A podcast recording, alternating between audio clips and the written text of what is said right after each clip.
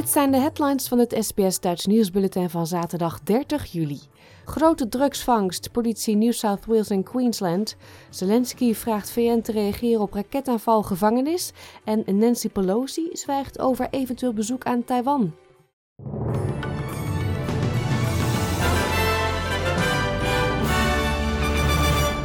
De politie heeft voor miljoenen dollars aan illegale drugs in beslag genomen en een geheim drugslab ontmanteld.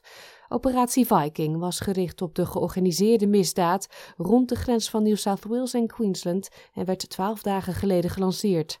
De drugsvangst, bestaande uit cocaïne, crystal meth en cannabis, had een waarde van 4,5 miljoen dollar. Ook werd er 150.000 dollar aan contanten, zeven vuurwapens, luxe auto's en sieraden in beslag genomen. Tijdens het ontmantelen van het drugslab ontdekte de politie ook een aanzienlijke hoeveelheid chemicaliën die werden gebruikt om de drugs te produceren.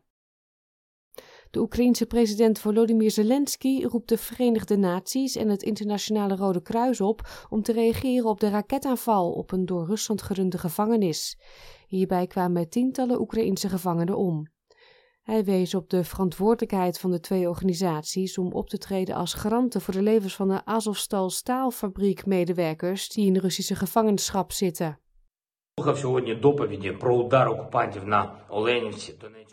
I heard reports today about the attack of the occupiers on Olenivka Donetsk region. It was a deliberate Russian war crime, a deliberate mass murder of Ukrainian prisoners of war. More than 50 dead.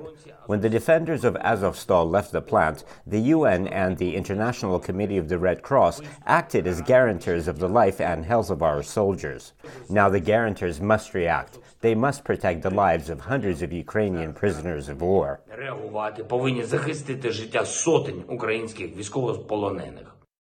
Anthony Blinken, de Amerikaanse minister van Buitenlandse Zaken, heeft gisteren gebeld met zijn Russische ambtgenoot Sergei Lavrov. Onderwerpen van gesprek waren onder meer de Russische agressie in Oekraïne, de export van graan en het Amerikaanse aanbod om basketbalster Brittany Griner en een andere Amerikaanse gedetineerde, Paul Whelan, te ruilen voor de Russische wapenhandelaar Victor Bout. The significant proposal that's been on the tables for some weeks now that would lead to bringing home Paul Whelan Brittany Griner. Um, I urged Foreign Minister Lavrov to move forward with that proposal. I'm not going to characterize his response, and I can't give you a, an assessment of whether I think things are any more or less likely, but it was important that uh, he hear directly from me on that. Blinken zegt dat hij Lavrov heeft laten weten dat het van belang is dat Rusland zich houdt aan de graandeal die onlangs werd gesloten met Oekraïne. Ook waarschuwde hij hem voor de gevolgen als Moskou doorgaat met zijn vermoedelijke plannen om delen van Oost- en Zuid-Oekraïne te annexeren. De voorzitter van het Amerikaanse Huis van Afgevaardigden, Nancy Pelosi, weigert te bevestigen of ze volgende maand Taiwan zal aandoen tijdens een reis naar Azië. Ze verwijst naar veiligheidsredenen voor haarzelf en de mogelijke congresdelegatie die meereist. Wel sprak ze over het belang van interactie tussen het huis en de regio. The um, president earlier, uh, well, earlier in his term, talked about a strong emphasis on the Asian Pacific. Uh, he, he has visited there, the vice president's has visited there, the secretary of commerce, and others. And uh, we want the Congress of the United States to be part of that initiative. Of course, as a West Coast person, we see the Pacific as their, you know, that's our, their home. We're part of that as well. Het nieuws over een mogelijk bezoek van mevrouw Pelosi aan Taiwan heeft geleid tot hevige speculaties over de mogelijke diplomatieke en militaire reactie van China. Voor Taiwan zou het eventuele bezoek een laatste strohalm zijn in een toch al gespannen situatie die de democratie op het eiland al decennia lang overschaduwt. De Chinese president Xi Jinping waarschuwde tijdens een telefoongesprek met de Amerikaanse president Biden voor inmenging in de betrekkingen tussen China en Taiwan.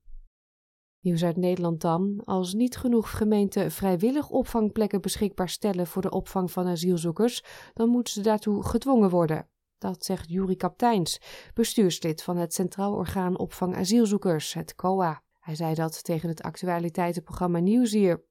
De krant NRC meldde gisteren dat het COA kampt met grote tekorten. Het aanmeldcentrum in Ter Apel is al tijden overvol. Laatst nog moesten honderden mensen buiten slapen. Het kabinet werkt aan een wet waarmee gemeenten gedwongen kunnen worden om opvang te regelen, maar kapteins hoopt dat gemeenten daar niet op wachten. Krijgt u nog de weersverwachting voor vandaag? In Perth vallen buien en wordt het 16 graden. Adelaide, ook daar ontstaan een paar buien, 17. Melbourne kende een frisse start van de dag, maar het is daar nu zonnig, 14 graden.